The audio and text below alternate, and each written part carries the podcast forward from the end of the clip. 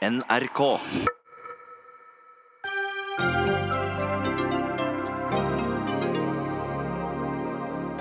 Donald Trump er en fredens mann, mener Frp-ere som har nominert ham til Nobels fredspris. Med Trump ved roret har vi fått en farligere og mer uforutsigbar verden, svarer SV. Petter Stordalen og hans bærekraftsdirektør fløy hvert sitt privatfly til Linköping for å åpne nytt Choice-hotell med grønn profil, sparedusj og små asjetter med økologiske egg. Kommunene har ikke felles grense, men skal slå sammen likevel. I morgen vedtar kommunestyret i Vågsøy om de skal be Stortinget reversere sammenslåingen med Flora kommune, som ligger ca. to timer unna.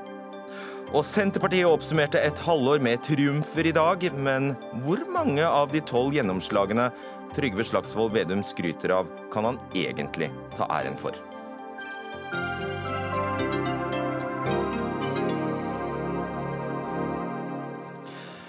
Da åpner vi nok en uh, Dagsnytt 18-sending. Vel møtt, jeg heter Fredrik Solvang. Toppmøtet i Singapore har gjort USAs president Donald Trump til en fredens mann, hevder to stortingsrepresentanter fra Fremskrittspartiet. Og nå nominerer de ham til den gjeveste av dem alle, Nobels fredspris. Stortingsrepresentant Per-Willy Amundsen sammen med din kollega Christian Tybring-Gjedde har du altså da nominert Donald Trump til Nobels fredspris 2019. Hvorfor det? Eh, det vi har sett de siste dagene, og de endringene vi har sett, ikke minst gjennom det siste året, representerer eh, noe som går rett inn i det som er kjerna i Alfred Nobels eh, testament. Som handler nettopp nettopp om nedrustning, som handler om forbrødring mellom nasjonene. Dette er en åpenbar kandidat, altså president Trump, en åpenbar kandidat til å motta fredsprisen.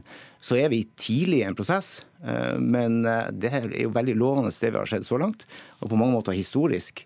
Eh, og jeg tenker at dersom det bærer de fruktene som vi ser, og som vi håper og tror, så vil det også være slutten på en konflikt som har pågått i 70 år på den koreanske halvøya, og som, som man kanskje ikke hadde nådd frem til dersom det ikke var for at vi har en president i USA som viser handlekraft. Mm. Hvorfor bare Trump? Hvorfor ikke Kim?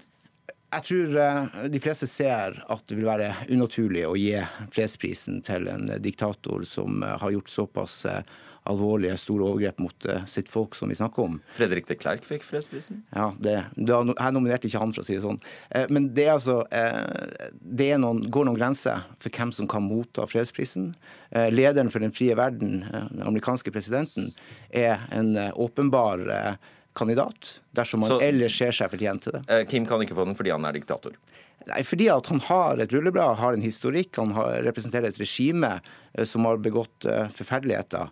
Uh, og dermed så anser ikke han som en uh, kandidat. Men så er det viktig å understreke det er jo gjennom Trump sin, sitt arbeid, Trump sitt initiativ, Trump sin skal vi si, litt utradisjonelle fremgangsmåte som ser ut til å ha gitt resultater. Der andre har forsøkt i 70 år. Veldig mange påpeker jo at det er Sør-Koreas president eh, Moon Jae-in som har trukket i trådene her.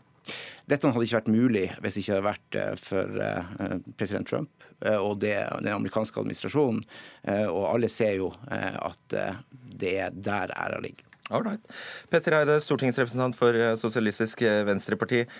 Donald Trump er splittende og ikke samlende, mener dere. Men det har da aldri vært noen kriterium for å få Nobels fredspris? Nei, det kan du si. Vært, vi har hatt mange kontroversielle fredspriskandidater opp gjennom historien. Men det halvannet året vi har sett Donald Trump ved roret i USA, så har han stort sett gjort verden til et farligere sted. Han har splittet eh, folk og nasjoner. Eh, eh, nå har han tatt ett eh, positivt initiativ. Det er helt riktig. Jeg skal anerkjenne det. Vi får håpe det kommer noe godt ut av dette. Det er altfor tidlig å si. Men summen av hans presidentskap så langt er overhodet ikke i fredens tegn, det er i splittelsen og konfliktens tegn. Og Hvis jeg får lov til å nevne bare noen saker, ja, for å gi et bilde av hva gjerne. dette egentlig handler om. Med en gang han gikk på som president, så, start, så, så, ehm, så erklærte han ehm, ønsket at innreiseforbud mot eh, personer fra en rekke muslimske land. Så gikk han ut og snakket positivt om bruk av tortur i kampen mot terror. Så ville han bygge, og det har han allerede satt i gang, en mur mot Mexico. Nå De siste månedene hadde han satt i gang en handelskrig. Han har skrotet avtalen med Iran som forhindrer at Iran får atomvåpen, osv. osv. Altså, han har gjort en rekke ting som har gjort at statsledere i hele verden ser relativt eh, urolig på hva som kommer til å skje. De kaller han uforutsigbar. De stikker hodene sammen og finner ut av hvordan de kan løse verdensutfordringene uten, eh, uten Donald Trump. Men dette er jo ikke en livsvirkepris, Petter Eide. Man får prisen for én altså, for, én handling, eller er noe konkret? Jo, men det ville være veldig rart. Fordi, for det første fordi dette initiativet foreløpig er veldig lite. Foreløpig er det ett møte. Det er et håndtrykk på 23 sekunder. Det er en avtale som er svært vag, og vi vet ikke hva som kommer ut av det. Så Donald Trumps testamente så langt er ikke i fredens retning, det er i splittelsens retning. Så at han skulle få fredsprisen, vil nok foreløpig være svært, svært overraskende, og vil nok provosere veldig mange så eh, tror jeg at eh, vi skal være varsomme med å legge til grunn SV sine vurderinger når det kommer til utenrikspolitikk, krig, fred, eh, avspenning osv. Det er et faktum at SV stort sett alltid har stått på feil side gjennom historien. De har tatt feil fra sitt sosialistiske ståsted. Det har vært andre drivkrefter enn det SV har stått bak, som har vist seg å være de riktige for å fremme verdensfreden. Så må man gjerne diskutere innenrikspolitiske forhold i USA. Jeg har respekt for eh, at eh, amerikanerne løser sine egne innenrikspolitiske utfordringer. Og jeg er ikke nødvendigvis enig i de beskrivningene du kommer med av amerikansk innenrikspolitikk. Jeg har stor forståelse for mange av de eh, vurderingene og, og, og si, politiske dragkampene som foregår der, uten at det er meg gitt å gå inn i det. Dette handler om den koranske halvøya. Dette handler om at man kan skape fred der, og det er en viktig, god start. Og mitt spørsmål egentlig tilbake til SV er følgende. Dersom det hadde vært Obama som hadde klart å få til dette. Dersom det hadde vært eh, Gud forby, Hillary Clinton som hadde vært president i USA og hadde klart å få til dette, eh, hadde kritikken vært like sterk, eller handler dette om personen Trump? ja, la oss svare på det. La, la, la svare på det. Ja. Eh, du, eh, Hvis det hadde vært Obama som hadde fått i gang dette, så ville jeg vært like nølende til å gi eh, fredsprisen på, på dette, fordi det er altfor tidlig. Altså, dere er Obama, vel... unnskyld, Obama ja. fikk vel fredsprisen for ikke å ha gjort noen han ting? Fikk, jo, nei, Det er litt sleivete, programleder, ærlig talt. Han fikk fredsprisen. Det som var begrunnelsen da, var en mer en helhetlig, en helhetlig forsonende holdning til en del konflikter rundt i verden. Han fikk ikke fredsprisen pga. En, en bestemt sak. Men hvis det hadde vært Obama som hadde fått dette, så ville jeg vært like nølende og sagt det er for tidlig, vi har ikke noen resultater. Dette har vært forsøkt før eh, i Korea, og vi vet ikke nå hvordan dette vil ende.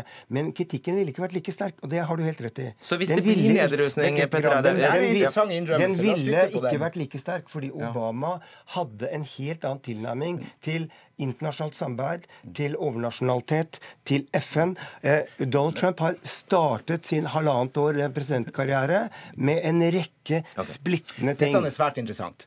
Fordi at Det du avslører, er nettopp det jeg mistenker, som svært mange som nå roper opp og syns dette eh, høres ille ut, at Trump skal foreslås til fredsprisen. Og det er nettopp fordi at for deg så handler dette om politikk. For meg handler det om resultater. For meg handler det om Unnskyld å skape fred. Jo, men hør her, hør her. om. Hør her. Det handler om å skape fred i verden. Å gå inn og lese testamentet til Alfred Nobel. Det handler altså om forbrødring mellom nasjonene. Det handler om å, okay, å skape nedrustning. Og så, og så, det, så, handler det ikke om amerikansk innenrikspolitikk. Det handler ikke om hvordan eh, Trump eh, håndterer amerikansk økonomi. I fjor Per Amundsen, fikk ICAN, altså den internasjonale kampanjen mot, eh, for forbud mot atomvåpen, fredsprisen. Hva mente Frp om det? Vet du hva? Jeg har, jeg har, jeg har vært veldig tydelig med alle jeg har snakka med i dag, på følgende. Vi fremme, jeg og Christian Tybring-Gjedde fremmer eh, Trump som eh, kandidat til eh, fredsprisen. Og det gjør vi ut fra hans bedrifter. Har du tenkt å svare på spørsmålet mitt? Ut ifra det han har oppnådd. Og da ja, tenker jeg at vi skal ikke trekke de parallellene med hva kan, andre fredsprisutdelinger har, kjempeenkelt spørsmål. Hva, hva mente dere i fjor? Jeg jeg uttaler meg om Trump. Jeg uttaler meg om vår, hva mente, om Jeg skal fortelle deg hva dere mente i fjor, og hva din forslag, medforslagsstiller Christian Tybring-Gjedde mente om fredsprisen til ICAN. Han sa til ABC eh, Nyheter at ICANs mål om en atomfri verden ikke er realistisk, og han mente det sågar var feil å gi ICAN-prisen han ble sitert på. Jeg tror ikke dette var Alfred Nobels intensjon. Nå Er, er, det altså riktig å gi fredsprisen til nedrustning av atomvåpen? Forklar forskjellen. Men det her er veldig interessant. For det han snakker om, er jo den totale avskaffinga av atomvåpen. Og det tror jeg de fleste innser ikke er noe som vi umiddelbart klarer å oppnå. Men den nedrustninga som man kan få til på et av de skal vi si, mest eh, konfliktorienterte områdene i verden i dag, altså på den koreanske halvøya, det er et uh, reelt resultat. Vi ser allerede nå vi er på egen prosess. Uh, og da handler det om, uh, om å stoppe spredning av atomvåpen, forhindre at det blir mer av det. Og da, og da si at du bare totalt skal avvikle atomvåpen over natta, det er stor forståelse for de betraktningene Christian Tybring-Gjedde gjorde da. Men Eh, jeg uttaler meg om Trumps og, fredspris, som vi mener er en god kandidat. Og Jeg hører at du snakker stort og flott om Nobel osv., men det fjerner ikke det faktum at de fleste statsledere i verden, i hvert fall i den vestlige verden, eh, veldig mange som jobber med utenrikspolitiske spørsmål, definitivt ikke ser på Donald Trump som en fredens mann.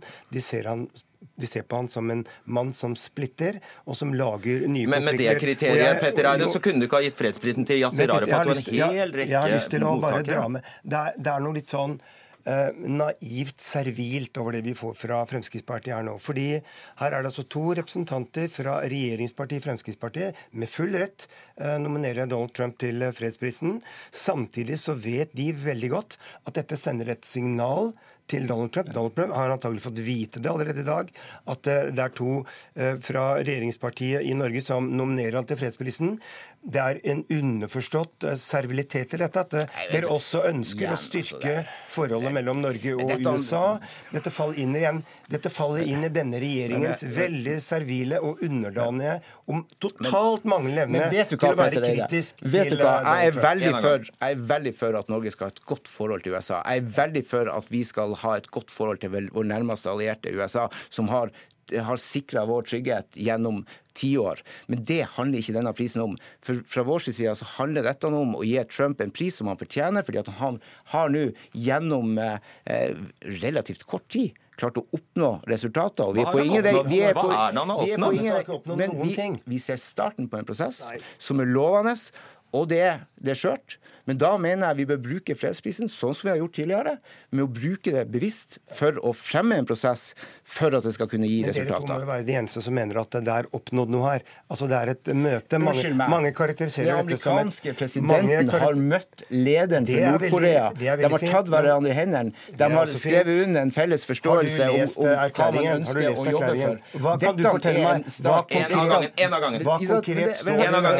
Hva konkret står det i denne erklæringen som du mener uh, vil, vil, eh, være en garanti mot en framtid. Jeg er enig.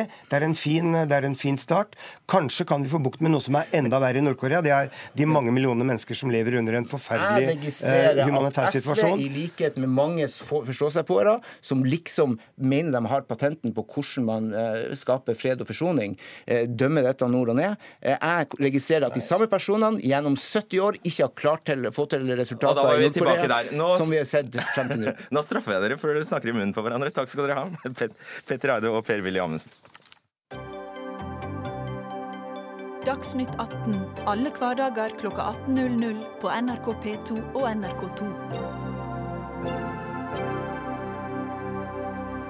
For nå skal det handle om privatfly og bærekraft. Hotellgrossisten og miljøprofilen Petter Stordalen og hans kollega og ansvarlig for bærekraft i hotellkjeden Nordic Choice, Eirik Bogsnes, landet i hvert sitt private fly da de skulle åpne nytt hotell i Sverige i forrige uke. Bogsnes offentliggjorde flygningene på sin egen Instagram-konto, skriver Dagens Næringsliv i dag. Og Petter Stordalen har i mange år satset hardt på miljø- og samfunnsansvar som profil for uh, sine over 170 hoteller over hele verden. Så skal vi gjøre oppmerksom på at Dagsnytt 18 har vært i kontakt med Stordalen i dag, som understreket at han ikke har noen kommentar til saken, og dermed ikke vil delta. Eirik Bogsnes hadde heller ikke anledning til å delta, mens skriver i en SMS at hans tur til Linköping med helikopterfly ikke innebærer mer utslipp enn om han hadde reist med bil.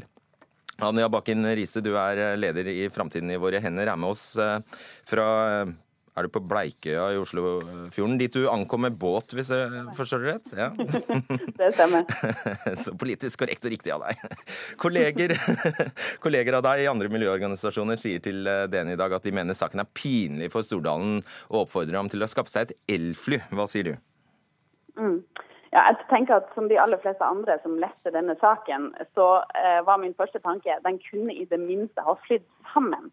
Og Uansett klimaregnskapet, så er signaleffekten når Stordalen og Choice-hotellet, som markedsfører seg som et så bærekraftig og pådriver for en bærekraftig utvikling, velger privatfly, så sender det helt feil signal.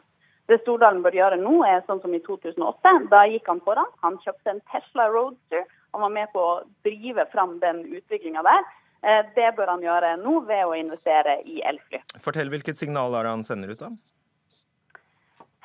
Det framstår jo ikke spesielt bærekraftig når han og en eh, annen direktør i sitt uh, selskap uh, velger hvert sitt privatfly. Det, der tror jeg at de fleste av oss kunne ha eh, funnet noe som, eh, som, hadde sett med bedre ut i et bærekraftsperspektiv. Sånn, sånn sett, Anja Bakken Riise, så er jo verken min eller din eksistens her på jorda bærekraftig? Selv om vi ikke flyr privat? Vår eksistens på jorda? Ja, men vi kan gjøre ganske mye som kan rettferdiggjøre vår eksistens, eh, eksistens på jorda. Og jeg kan vanskelig se for meg at, at det er mer miljøvennlig å, ta, å fly med to privatfly enn f.eks. Eh, en Tesla. Eh, men, men, uavhengig av klimaregnskapet, så er det signaleffekten her som er spesielt dårlig. Og jeg mener at eh, det ikke er spesielt lurt at Stordalen og, og Choice-hotellene, eh, som, som, nettopp markedsfører seg som så bærekraftig, å velge den transportformen. La oss rydde i dette med karbonavtrykk og klimaregnskap først som sist. Borgar Aamås, du er forsker ved Senter for klimaforskning CICERO. Det er også sånn at bærekraftsdirektør Eirik Bogsnes hevder at hans tur med uh, dette det kalles helikopterfly, eh, altså det er et propellfly som han er deleier av, ikke innebærer mer utslipp enn om han gjennomførte denne reisen til Linköping med bil. Og da er altså strekningen 280 km i luftlinje og rundt 450 km med bil. Stemmer det? Jeg har dessverre ikke det eksakte tallet for akkurat den flytypen, men jeg, jeg ble ikke overraska da jeg hørte det. Så, så basert på den forskninga jeg kjenner til, så høres det korrekt ut. Hvordan kan det ha seg? Eh, det er, det er, jo kortere å fly. Det jo, kan jo fly rett fram. Eh, og så er jo den eh, flymotoren er jo veldig effektiv. Ja. ja. Det er altså flymodellen Diamond DA40, og hvis jeg har skjønt det rett, så har den plass til fire personer, det flyet, det flyet der. Eh, bruker lite bensin, det må jo gjøre? Det gjør det. Det som gjør at fly høres så ille ut, er at du kan fly fryktelig langt når du først flyr. Så Det er derfor fly ofte kommer verre ut enn f.eks. bil. Ja. Men det må jo ha noe å si hva slags bil han velger. Absolutt. Så, um, om det er en gammel, stor uh, bensinbil, så er det jo større utslipp enn en moderne, liten bil. Eller, eller elbil. Så Hvis vi sammenligner med en elbil, så vil elbilen ja, komme bedre ut enn det vesle flyet. Så det hadde vært bedre, som uh, Riise sier, å faktisk kjøre Tesla fra Norge til Linköping? Ja. Mm. Hva med toga, hvis han hadde valgt tog? Det òg hadde kommet veldig bra ut. Ja bedre enn elbil, eller? Eh, det er på omtrent samme nivå. Det kan, her kan vi diskutere litt. Ja. Ok, Interessant. Da har vi ryddet opp i uh, akkurat det. Jon Erik Laubstad, du er uh, generalsekretær i Norsk Luftsportforbund. Dette er jo altså da en hobby for bærekraftsdirektør Eirik Bogsnes. Han liker å fly, det er det han gjør på fritiden sin. Du omtaler privatfly som allmennfly. Ja, bare oppklar det begrepet for oss først som sist, er du? Ja, det skal jeg gjerne gjøre. Um, aller først eh, det begrepet som har blitt brukt her, helikopterfly. Det var aldeles nytt for meg. Jeg tror vi skal holde oss til dette med allmennfly, som har blitt nevnt. Um, ja, Dette kan jeg ingenting om, så det er bra du opplever. Nei da, det, det, er bra. Men. Og en, en, liten sak til. Riise snakker mye om elektrisitet her, og da kan jeg ikke unngå å nevne at kommende mandag så skal det være den første elektriske flygingen i Norge. Hvor konsernsjef Dag Falk Petersen i Avinor og samferdselsminister Ketil Solvik-Olsen skal fly på Gardermoen med dette flyet. Et prosjekt som som Avinor og Norges Luftsportforbund driver sammen. med. det er jo for så vidt et argument for at Stordalen per i dag da ikke kunne ha fløyet i noe elfly til eh, Linköping. Ja. Helt, helt, riktig. Videre vil jeg tilføre at eh, dette med å kommentere reisevanene til dette selskapet, det, det skal ikke jeg legge meg inn på. Og har heller ikke kunnskapen om hva dette ene flyet, denne businessjeten, eh, måtte representere av utslipp. Men har en del mer greie på det allmennflyet, som denne direktøren Ja, si- eh, viser til. Det vi alle lurer på, da, er jo eh, Er dette en veldig forurensende hobby?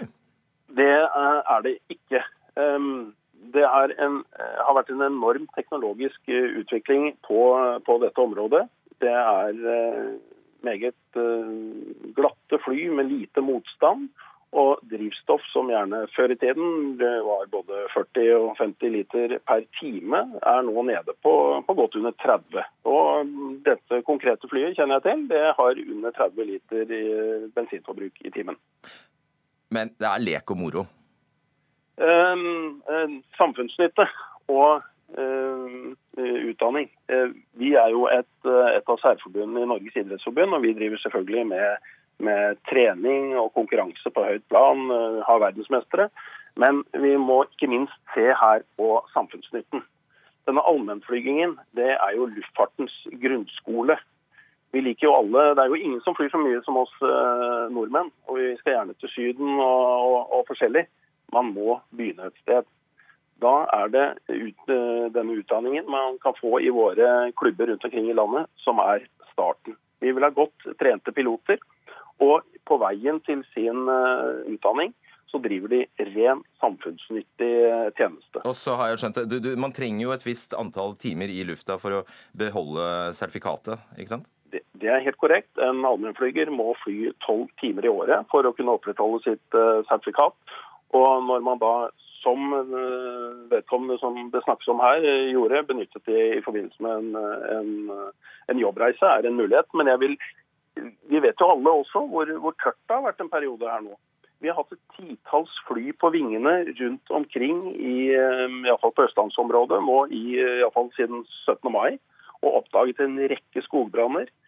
Vi oppdager også utslipp i sjøen, og vi driver søk- og redningstjeneste. Dette er en, dette er en samfunnsnytte jeg eh, vil virkelig peke på. Det må vi ikke glemme. Selv om eh, Laupsa, eh, selv om Boksnes skulle han, skulle han så ikke etter skogbrann, han skulle åpne et hotell. Han skulle, skulle nok det, men han har fortsatt eh, behov for å fly disse tolv timene i året. Og da kombinerte han arbeid og, og den opptjeningen av de timene han trenger. Anja Bakken Riise. Altså, uh, Tittelen til Eirik Boksnes er 'Executive Vice President for Hotel Services' i Nordic eh, Choice. Han har ansvar for bærekraft i denne hotellkjeden. Og han, nå, får vi jo, nå fikk vi jo svar fra Åmås her på at det faktisk er mer miljøvennlig for han å sette seg i dette privatflyet enn, enn, å, enn å eh, kjøre bil.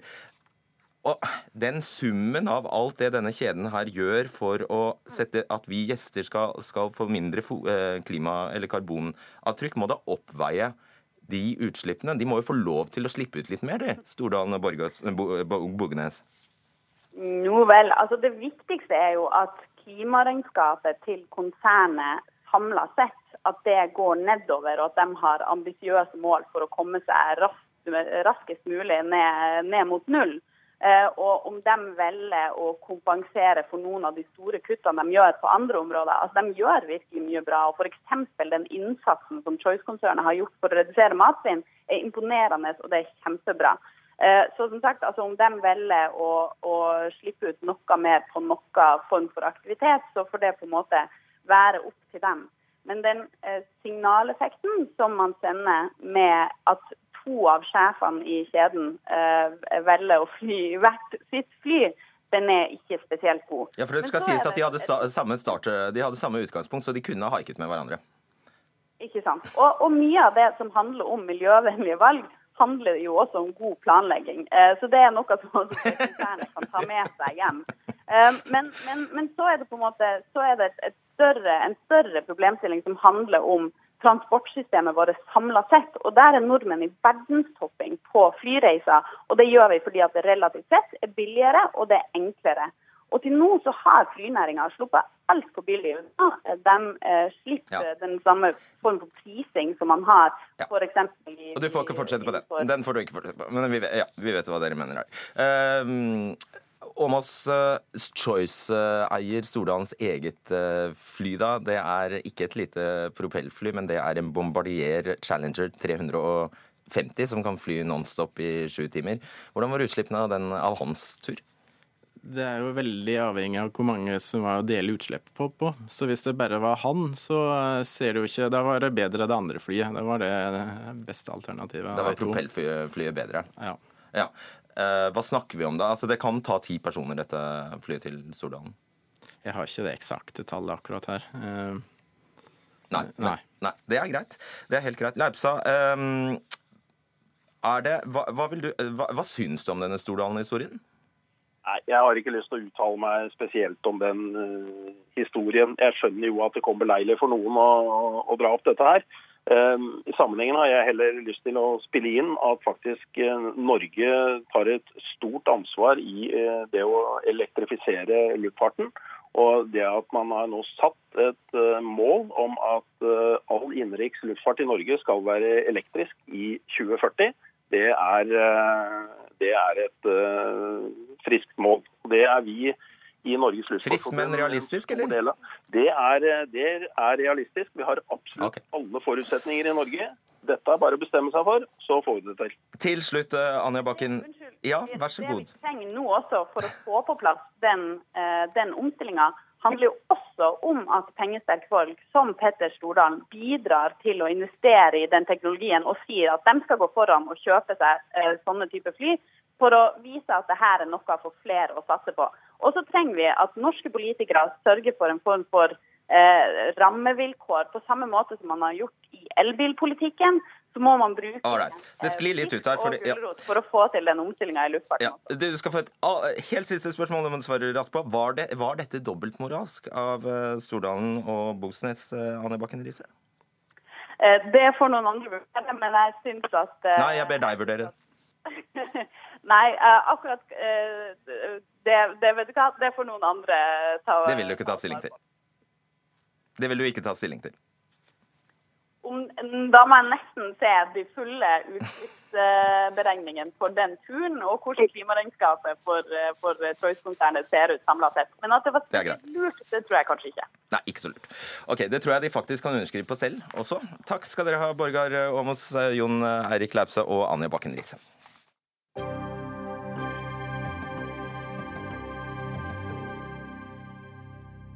Nå til det som har blitt omtalt som Norges rareste kommune. Nemlig nyvinningen Kinn kommune i Sogn og Fjordane. Stortinget har bestemt at Kinn kommune skal oppstå ved at Lille Vågsøy kommune i Nordfjord skal slås sammen med Flora kommune i Sunnfjord. Og Det spesielle her er at Bremanger kommune ikke vil være med, og blir liggende nærmest som en slags enklave midt mellom Vågsøy i nord og Flora i sør. Nils Myklebust, du er varaordfører i Vågsøy kommune for eh, Senterpartiet. Nå ser vi kartet her. Eh, det ser jo unektelig eh, merkelig ut, må man kunne si. For de som ser på TV nå, så ser vi at Bremanger ligger altså som Den ligger i midten, rett og slett. Og Vågsøy og Flora har ikke noen forbindelse annet enn sjøveien. Myklebust, fortell oss hvor langt er det da fra kommunesenteret i Vågsøy til kommunesenteret i Flora? Ja, Hvis vi skal reise med bil og ferge, så går der to timer ifra du står på fergekaia til eh, du er i Florø. Hvis du skal reise med båt, så går det ca. 1 12 time. Og det er en veldig kostbar vei. Hvis du skal eh, for en enkel billett så koster det vel 260 kroner én vei å reise til Florø fra Måløy. Hvor ofte går den ferja, da? Nei, den Båten går en to-tre ganger for dag da, til Florø. Og ferja er over en time mellom hver gang den går. Så det at dette er ikke, det er ikke mulig å ha noe god kommunikasjon mellom disse to eh, byene. Har vel internett, da? ja, det har vi nå, men uh, likevel så viser det seg det at han må nå reise mellom, og det har nå skulle du sagt det er bare så vidt.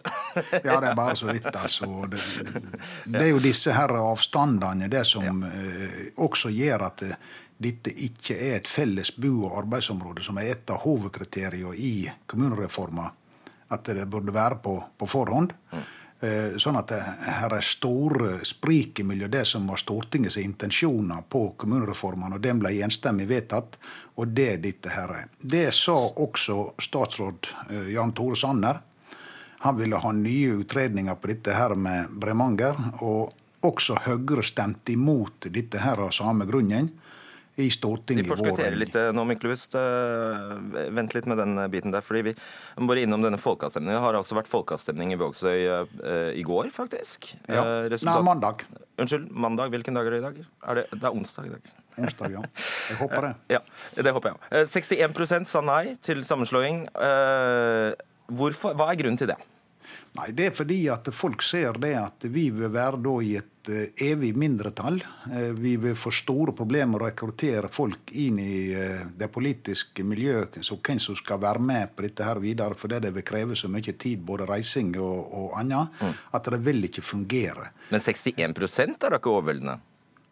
Ja, men hvis du ser på hvor det vil slå seg ut når du skal til å stemme folk, så eh, er jo det 12 000 stykker som bor i Florø, og blir 5500 da i Vågsøy.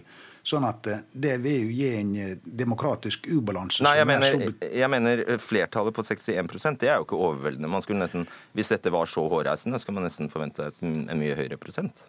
Nei, det er ikke det. fordi at det som, Hvis du tar og ser på hva som har skjedd på landsgjennomsnittet for folkeavstemninger, så ligger jo de på 46, og vi hadde en fremmøteprosent her på, på rundt 58 eh, på det. Sånn at det er betydelig over det som er vanlig i sånt, og det ligger over det som er snittet for uh, vanlig Det kan jeg jo like gjerne snu til at litt over halvparten av litt over halvparten sa nei.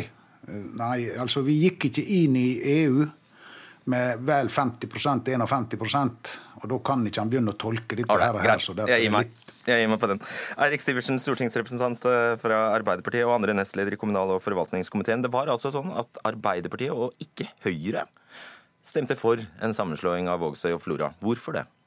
Fordi at eh, det var et lokalt ønske. Det baserte seg på vedtak i de eh, respektive kommunestyrene, hvor man hadde et flertall for denne sammenslåinga. Da skjønner jeg ingenting. Hva er denne folkeavstemningen da for noe? Ja, Det må man jo nesten spørre da eh, de kommunene eh, om som har satt i verk en folkeavstemning etter at det ble fatta et, eh, et, vedtak. Det er en litt sånn bakvendt måte å gjøre det på, når du først fatter et positivt vedtak med et flertall i kommunestyret, for deretter å ha en folke, folkeavstemning. Det er en litt krevende situasjon. Men nå har de nå en gang gjort det, da. Det de, Så, det de, hvordan forholder du deg til dette flertallet? Nei, altså, Vi forholder oss jo til vedtakene i kommunestyret, eh, som i forrige stortingsperiode ønska denne kommunesammenslåinga. Eh, dermed så er det etter vår definisjon en frivillig kommunesammenslåing. Um, Hvorfor ikke lytte til flertallet av folket i stedet for kommunestyret? Nei, fordi at folk, altså, Kommunestyret er besluttende organet i, i kommunen. Folkeavstemninga er også rådgivende. Um, og Vi uh, har jo som programformulering uh, som lå i det programmet vi gikk til valg på, som sier at de kommunesammenslåingene som er frivillige og som er i gang, de skal gjennomføres. Ove Trellevik, stortingsrepresentant for Høyre, medlem i samme komité. Din statsråd på dette feltet, kommunal- og moderniseringsminister Monica Mæland, sier regjeringen vil forholde seg til det Stortinget har vedtatt, selv om Høyre i Stortinget altså ikke var med på dette vedtaket. Hvorfor mener mener dere er det uaktuelt med en ny runde om Kinn kommune, eller hva, hvordan skal det forstås? Ja, altså, Jeg tenker det at det er ikke noe særlig opp på dagsordenen å, å, ta en omkamp om det Stortinget har vedtatt. Vi hadde en runde på dette før jul, både med, med, med fylket som skulle takkes opp igjen, og kommuner. Men eh, vi reverserte ikke noe. Og det er ikke noe grunn til Det er ikke kommet noen nye opplysninger heller. Bortsett fra en folkeavstemning? Bortsett fra en folkeavstemning som selvsagt burde vært lagt til grunn for, eh, for Vågsøy kommune sitt vedtak i utgangspunktet. som kom... du velger å se bort fra? Nei, jeg ser ikke bort ifra den. Og jeg kan ikke garantere at Høyre ikke på en måte snur og, og ser på dette hvis det skulle være tungtveiende grunner for det. Men jeg ser ikke noen tungtveiende grunner nå. Bortsett fra det rare kartet her, da? Bortsett fra det rare kartet der. Og det er jo en av grunnene til at Høyre heller ikke stemte for den gangen når saka var oppe. Fordi at kartet ble for så vidt veldig rart. Og i tillegg til så hadde Fylkesmannen òg eh, skrevet i sine anbefalinger at eh, dette bare delvis innfrir Stortinget sine målsettinger. Så løsninga som man gikk for der oppe, selv om det var frivillig, var ingen god løsning i slik fylkesmann i Sogn og Fjordane vurderte situasjonen. Så vi valgte å lytte litt til de vurderingene som kom fra fylkesmannen. Nils Myklebust, hva kommer da til å skje i kommunestyret i morgen? Nei, altså, jeg må, jeg må ta litt om det som skjedde i, i fjor vår på det kommunestyremøtet. Da Da var det Hilde innbyggerhøring som også sa soleklart nei. Det var bare 31 som var ja for dette her. Det at folket da på det tidspunktet ble overkjørt så til de grader, er det som er grunnen til at dette nå er kommet opp igjen på nytt igjen. Og Høyre skal ha ros fordi at de innså det at vi var nødt til å gå noen runder med dette her. Det som har kommet Nei, men for oss uinnvidde her, det er litt vanskelig å henge med. Ja. Det, det Erik Sivertsen sier, er at det er, det er fattet et gyldig eh, kommunestyrevedtak om sammenslåing som Ja, gjelder. det, det er riktig, men det var gjort mot folkets vilje. Og den var soleklar. Det var ikke du hvorfor gjør dere sånt? Nei, det kan du godt spørre. Ja, det er litt, det er litt han Syvertsen spørre sin kollega i, i Arbeiderpartiet som har gjort dette her, som har gjort at dette, denne kommunen nå er totalt splitta befolkningsmessig. Og det vil være en katastrofe hvis det at folket nå ikke blir høyre etter. For nå, nå har det vært faktisk tre runder på dette her. Vi hadde først innbyggerhøringa. Ja. Så hadde NRK og avisene eh, som ga omtrent akkurat samme resultatet. Og så har vi nå hatt en folkeavstemning med en valgkamp rett og slett i forkant, der folket har sagt soleklart nei. Og jeg har den tiltro til stortingspolitikerne at de, når de får se på disse nye momentene og alt som kommer fram, eh, så vil de se på dette her med nye øyne. Og jeg har den tilliten til at de Ja, vil gjøre det. Vil dere det, Trellevik? Altså, Vi må jo selvsagt behandle alle saker som kommer til Stortinget. og Det er vanskelig å selvfølgelig også, også diktere eller si hva vi vil komme til å, å, å gjøre med det allerede nå. Men, men som sagt, jeg ser ikke Er ikke ikke en titt på det kartet nok til å kunne si hva du mener om det? Poenget her er at Stortinget har gjort et vedtak. Eh, og Selv om vi var uenige i det vedtaket, så det, gjør vi ikke altså omkamp på omkamp på omkamp i Stortinget. Det er ikke slik parlamentarismen har virka. si. Det Arbeiderpartiet nå må gjøre, hvis dette skal bli en suksess, det er å få Bremanger med på løpet. Arbeiderpartiordføreren i Bremanger eh, burde eh, jobbe mye tettere med stortingsgruppa til, til Arbeiderpartiet. Vi kunne fått en solid, flott, stor kommune i Sogn og Fjordane. Som, eh, og Bremanger og, og Svelgen kunne blitt et eh, fantastisk flott sentrum for eh, et, kommune, et kommunesammenslåing der oppe. Og Bremanger har mye å hente på dette. Så her ligger det et ansvar på, på eh, Arbeiderpartiet å få, få denne vellykka den sammenslåingen her oppe. Det er jo helt ulogisk at Bremanger, som ligger der midt inne i Kinn kommune, de skal slippe å bli slått sammen. Altså, det her er jo ansvarsfraskrivelse fra Trellevik. Det er nå vitterlig regjeringa sin kommunereform som har vært vanskelig å overbevise en del kommuner om at det faktisk er noen gevinster i, og tydeligvis også, også da. Ja, men det her, eh, det her er- Ja, kartet ser jo rart ut for utenforstående, men det her er jo grunnen til at vi har vært opptatt av frivillighet eh, i de kommunene som er berørt. Fordi at det er de som har skoen på, som vet hvor den, eh, hvor den trykker. Det er dem som må vurdere hva som er en hensiktsmessig strukturendring hvis de skal løse oppgavene på en bedre måte eller ikke. Og Hvis kommunestyrene i, eller flertallet i kommunestyrene i de to kommunene mener at dette gir bedre løsninger for sine innbyggere, ja, så er jo det eh, greit. De har svart positivt på invitasjonen fra regjeringa til å gjøre, gjøre endringer. Så hvis det fattes et nytt eh, kommunestyrevedtak i Vågsøy nå, basert på folkeavstemningen, som da blir, går imot folkeavstemning, da bøyer dere dere for den frivilligheten? Nei, eh, for, for det første så syns jeg Nei. skal understreke nå at det er, som Da- Trellevik her sier, det er fatta vedtak i Stortinget. Man gjør en jobb for å gjøre den omstillinga. Det er to store enheter som skal slås sammen. Det er jo ikke innhold i det du sier. da. Du sier at dere er Jo. for frivillighet, men så er dere ikke for frivillighet. Jo, men som jeg også sa, eh, sa i sted, så gikk vi til, til valg på Vi har en formulering i partiprogrammet som sier at frivillige kommunesammenslåinger som denne, som er igangsatt, ja, vi støtter gjennomføringa av, eh, av det. Ah, et Så- triks. Nei, sånn at hvis det er igangsatt, da er- sitter de i saksa. Ja, og det var frivillig. Du sitter ikke i saksa. De har sjøl valgt ved flertallet i de kommunene å slå seg sammen. Og Det er ønsket fra et flertall i kommunestyret. Det respekterer vi, det følger vi opp, og det står vi fast ved. For det om vi vet at det er andre som har andre synspunkter, og som gjerne ønsker seg med omkamp. Hvorfor ikke bruke tvang, da? Dere, hvorfor ikke bruke tvang og bare si Bremanger skal med? Ja, altså, eh, Det er ikke tvil om det at Høyre ser for seg og ønsker at Bremanger skal inn i dette. og Vi hadde vel en gang et vedtak en eller annen plass på at inneklemte kommuner skulle på en måte sees på. Og jeg tenker det at det her er god grunn til å se nettopp på, på dette med inneklemte kommuner. Bremanger er en flott kommune. Det er mye flinke folk bor i hele regionen der oppe. Og jeg er helt sikker på at eh, en stor, flott kommune med de tre kommunene der oppe kunne ha gjort en kjempejobb ja, for innbyggerne. Ja, så gjør det, da. Hvis du mener det. Jo, men Men da er trenger vi å få litt hjelp, da. sant? Og vi kan jo fly her til Arbeiderpartiet, så, så kan vi få dette til. Det, Nei, Trellevik, du har altså forslagsrett i, i Stortinget. Du bare fremmer det forslaget. Dere sitter med regjering, dere kan fremme saken, så vil det bli behandla på åpen måte. eh, På vanlig måte. Men jeg kan si med det samme at hvis dere forsøker dere på en tvangssammenslåing, så vil vi være imot også denne, som vi har vært imot alle de andre tvangssammenslåingene, som har sånn vært er, dårlig og sånn er stortingsflertallet. Derfor så kommer vi heller ikke til å fremme forslag om det. Nils Myklebust, Ove Trellevik og Eirik Sivertsen, takk skal dere ha. Hør Dagsnytt 18 når du vil. Radio NRK Radio.nrk.no.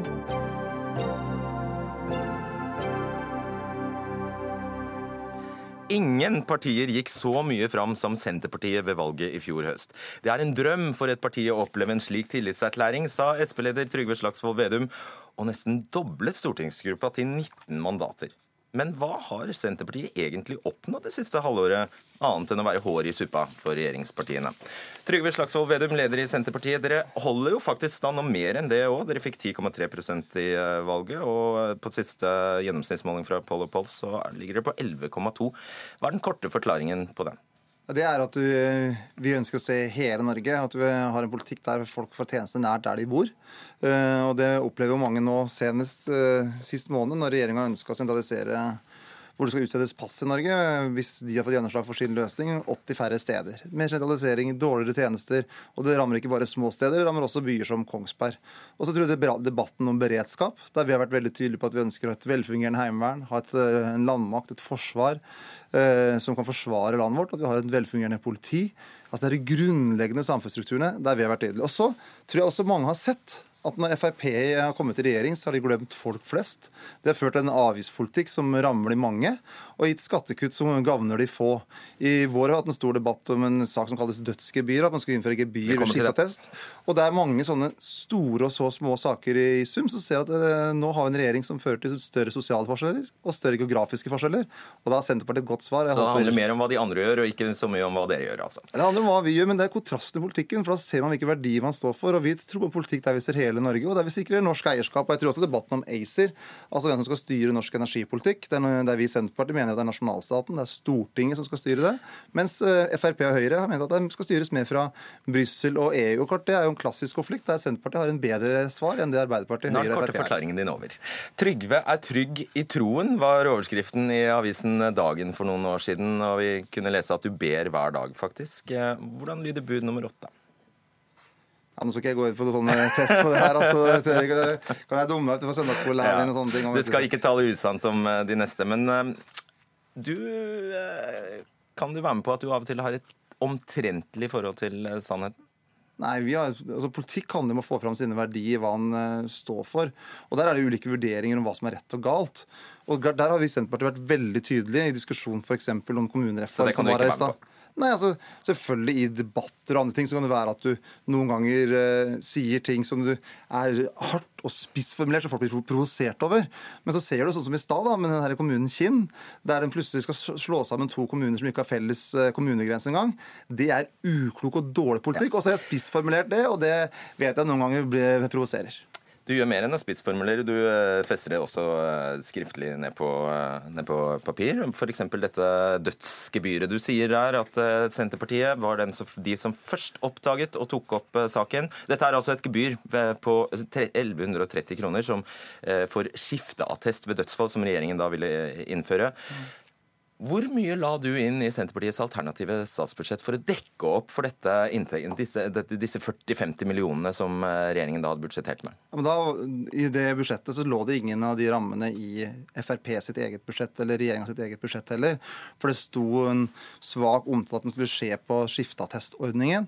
Og så kom det da en høring Enkelt regnestykke, da. Ja, men Det lå ikke inne i regjeringa sitt opplegg, for de måtte ha en lovendring først. Og Den lovproposisjonen kom nå først i vår, og det var derfor det først kom nå i revidert nasjonalbudsjett.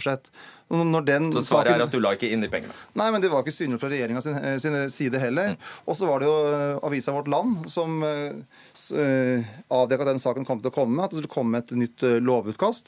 Da utfordra vi eh, Du skriver jo at det var du som oppdaget saken. Ja, det var, det var eller Vårt Land eh, bidro til å oppdage den saken, og vi løfta den da politisk. Var det du eller Vårt Land? Ja, Vårt Land skrev om den først. Ja, Da er det Og- feil det du skriver. Ja, altså, men, men vi dro den politisk inn. Det her blir bare sånn semantikk om ord. For at når Vårt Land kjørte den, så tok vi den med en gang opp i, i Stortinget. Vi utfordra statsråd Sylvi Listhaug veldig tydelig.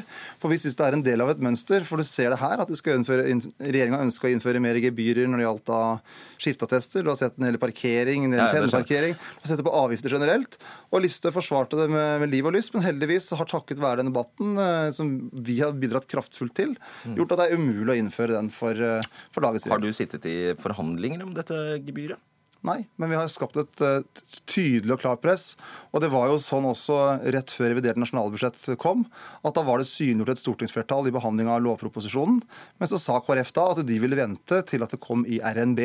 Så alle Hvem har da æren, Trygve Slagsvold La oss nå dele æren. Nei, du- glad. Ja, Så raus får du ikke lov til å være, fordi du har nettopp du har lagd denne pamfletten der du svart på hvitt skriver det var Senterpartiet som først oppdaget og tok opp saken. Ja, Det var ingen tvil om det. Det er bare å gå og se som tok opp den saken i debatten i Stortinget. Vi kjørte knallhardt mot Var det mot du eller eh, frem, eh, Kristelig Folkeparti som fikk gjennom dette i revidert nasjonalbudsjett? Ja, men Selvfølgelig var det til slutt eh, KrF, men, men du vet Da kan jo politikk- ikke du ta æren. Ja, men du vet, eh, Fredrik Solvang, du vet det veldig godt at politikk er jo ikke sånn. For det var jo en egen diskusjon om den lovproposisjonen i, i Stortinget i forkant, der det var et flertall mellom Arbeiderpartiet, Senterpartiet, SV og KrF.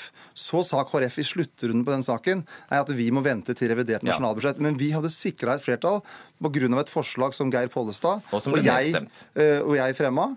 Og det skapte et politisk press som gjorde det helt umulig å ikke få det gjennomført. Og det er opposisjonens rolle. Få opp debatter, få synlig hvor sosialt urettferdig en del ting er. Etter den logikken så kunne det jo like gjerne vært Vårt Land som skapte det presset. Ja, vårt land var ingen tvil om at vårt land bidro til å skape det presset. Og så løfta vi det som politisk parti inn i stortingssalen. Utfordra statsråd Listhaug og sa vi mener det er noe grunnleggende urettferdig at alle skal betale mer gebyrer, mens noen få slipper å betale. Det første punktet på lista di eh, over Senterpartiets bragder denne sesjonen er at dere har fått gjennom at ingen kommuner skal slås sammen med tvang. Det stemmer. Hvor mange av de 31 kommunene som inngikk i vedtakene om eh, tvangssammenslåing, har faktisk søkt om omgjøring av vedtaket? Nei, Det var få som gjorde det. Og Poenget med det vedtaket der er jo et vedtak framover. For det som var metoden til eh, regjeringen i forrige periode, var hele tida trusselen om tvang. Det skjønner jeg, gjør hvor- hvor mange er få? Ja, Det tallet har sikkert du foran deg når du stiller det spørsmålet. Og så, og så løste vi opp da Leka, Bindal, Vikna og Nærøy, den tvangssammenslåinga. Det var det vi fikk gjennomslag for sammen med Kristelig Folkeparti eh, i de forhandlingene vi hadde sammen med KrF. Men så fikk vi et veldig viktig prinsipielt vedtak. Det var at det skal slutte å true med tvang, og slutte å bruke tvang. Når du du hørte Eirik Sivertsen her, ja. Nettopp apropos debatten her her i sted. Når du hører Eirik Sivertsen og hans forståelse av det vedtaket, det du skryter av som nummer én her, hva tenker du da? Jeg mener Erik Sivertsen bør tenke seg litt om. at eh, Han har jo rett sånn rent faktisk at det her var et såkalt frivillig vedtak. fordi at flertallet i kommunestyret hadde følt seg pressa til å gjøre det. Men når folket så tydelig i en folkeavstemning har sagt at det var et uklokt vedtak, det er blitt lagt til rette for den folkeavstemningen av kommunestyret Men da er ikke gjennomslaget ditt noe gjennomslag, det er poenget. Jo, selvfølgelig er det et gjennomslag, for nå kan ikke regjeringa true mer med tvang. Det vedtaket som ble diskutert her i stad, det ble jo gjort i forkant av stortingsvalget. Et meget, meget uklokt vedtak. Og hvis da kommunestyret gjør et nytt vedtak, det er jeg jo enig med Sivertsen i, at kommunestyret må, gjøre, må gjøre en vurdering, ha en diskusjon. Og hvis da kommunestyret gjør et nytt vedtak, så bør jo Stortinget respektere det vedtaket og ikke tvinge gjennom en kommunesammenslåing som egentlig ingen ser fornuften i når du skal ha en kommune uten felles Ja, ja. grenser. Jeg tror vi fikk belyst det. Jeg tror vi det er en veldig, veldig rar godt, ja. løsning. Eh, Og at de fleste er enige om akkurat det. Punkt fire på skrytelista di handler om eh, papirslippen, eh, pensjonsslippen på papir. Og du skriver etter forslag fra Senterpartiet ble dette eldrefiendtlige forslaget stoppet. Hva tror du KrFs stortingsrepresentant eh, Steinar Reiten eh, føler om at du tar æren, æren for det? tror jeg er veldig glad for saken. For det, det jo Nei, Hva tror du han syns om at du tar æren for det? Jeg tror han er glad for det. At, Tror du det? eh, Ja. Det tror jeg han er glad for. Hvis jeg ringer han etterpå, så tror jeg han er veldig glad for at Senterpartiet og KrF har stått seg sammen i den, den saken. Og jeg tror det er, det er bra. Fortjener han æren? KrF, Arbeiderpartiet, SV var også med på å sikre flertall for den saken. Vi fremma et Dokument 8-forslag med en gang Stortinget åpna i, i fjor høst. Vi løfte, jeg løfta til og med den saken Hva skjedde med det da? Nå Det Dokument 8-forslaget? Vi har laget et press, og det ble et flertall nettopp før. det eh, fikk det flertall, eller? Jeg fikk et flertall før jul. eh, Ditt man forslag eller deres forslag eller det var, det var vel et, eh, det var en felles debatt akkurat hvilken formulering som til slutt fikk flertall. Det var Reitens forslag som fikk flertall. Ja, men det blir sånn igjen semantikk. Vi fremma det først. Nei, det er jo ikke semantikk, Jo, du- dette her. Du, dere Solvang, lager en Nei, skryteliste du, Solvang, jo over deg- Senterpartiets gjennomslag, Ja, så ettergår vi. Ok, hvilke, hvilke forslag er det Senterpartiet Men, men, Stemmer men, men det som du vet det det veldig godt, det er jo at vi fremma det forslaget først. Så kommer det noen justeringer, så finner man felles løsninger. Det kalles politikk og kalles kompromisser. Så kjørte vi et litt hardere forslag eh, når vi, la det fram. Så la Reiten fram en eller annen mellomløsning, og så stemte vi for det. For vi er ikke prinsippryttere for å være prinsippryttere, vi er opptatt av gjennomslag og løsninger. Da er det i hvert fall riktig å dele æren med Ja, KrF. altså, Er du- med en gang du det? svarer, jo, men selvfølgelig, Senterpartiet har ikke 50% av stemmene, så vi må dele stemmeæren med SV, vi må dele det med Arbeiderpartiet og vi må dele det med KrF. For vi ønsker å ta med menneskelige hensyn. Så la vi fram et tydelig forslag, så la KrF fram et litt slappere forslag. Og når vi ikke fikk eh, gjennomslag for vårt primære forslag, så stemma vi for det litt, det litt slappere forslag. Og det, det kalles politikk, og det kalles å ikke drive bare prinsipprytteri, men å faktisk finne løsninger. Ifølge Sentios mai-måling for eh, DN mistet Arbeiderpartiet netto 88 000 velgere til de andre rød-grønne partiene, deriblant dere. 34 000 av dem har gått til eh, Senterpartiet. Flere av disse har sikkert forlatt Arbeiderpartiet pga. metoo. Eh, I november i fjor sa din generalsekretær Knut M. Olsen jeg kjenner ikke til at det har vært seksuell trakassering i partiet de siste fem årene. Et halvt år etter har dere altså 15 varsler. Hvordan er det mulig? Ja, Han har beklaga den, eh, den uttalelsen. Hvordan er det mulig? Ja, det må du spørre han. Hva tror du? Nei, altså, han eh, har beklaga uttalelsen. Vi har hatt en veldig bred En veldig bombastisk uttalelse, den. Ja, men nå, Det er den uttalelsen. Han har beklaga han. Også har vi hatt en veldig bred, bred runde i partiet. Der vi har gått etter etiske retningslinjer. Der alle fylkeslag har diskutert det.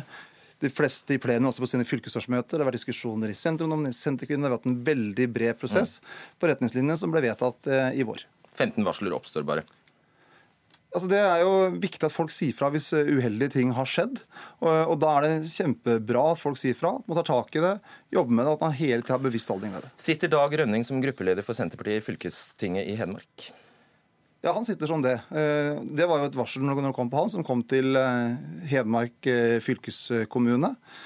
Som ikke kom til partiet. Og han ble og mistet også sa fra seg korrekt, jobben som, som fylkesordfører. Det ble varslet at han hadde hatt upassende episoder med unge jenter. Hvordan kan han, og han gikk da altså av som fylkesordfører, hvordan kan han da sitte med et sånt verv som gruppeleder? Den saken eh, den har jo blitt behandla av, eh, av Hedmark fylkeskommune. Varselet har blitt håndtert av Hedmark fylkeskommune. Og jeg kjenner ikke innholdet i varslene. Bryr du deg om det? Jeg kjenner jo ikke innholdet i, i varslene og de enkelte sakene. Bør du ikke, bør du ikke kjenne det? Nei, Det bør jeg ikke vite. Når varsleren har sagt det til Hedmark fylkeskommune og deres system, så bør jo de som har varsla mot eh, Rønning, den eller de, ha trygghet for at det ikke deles med personer som ikke Så du, du lever godt med at Dag Rønning er gruppeleder for Senterpartiet i fylkestinget? Det er et vedtak som lokal fylkestingsgruppe har gjort. Ja, det er jeg fullt klar over. Lever du godt med det? Jeg kan ikke gå inn og, og overstyre det. Det er en eh, vedtak som er gjort av uh, fylkestingsgruppa. Du kan vel si hva du mener. Og jeg kjenner heller ikke innholdet i varslene. Og det er jo ganske Det kan du sikkert bli gjort kjent med hvis du vil. Det kan jeg jo ikke, for det er jo gitt i fortrolighet til Hedmark eh, fylkeskommune av de som, eh, og den som har varslet. Og det er jo ganske viktig i varslingssaker at den informasjonen som blir gitt, eh, blir holdt hos den som faktisk har fått informasjonen. Takk skal du ha, Trygve Slagsvold Vedum.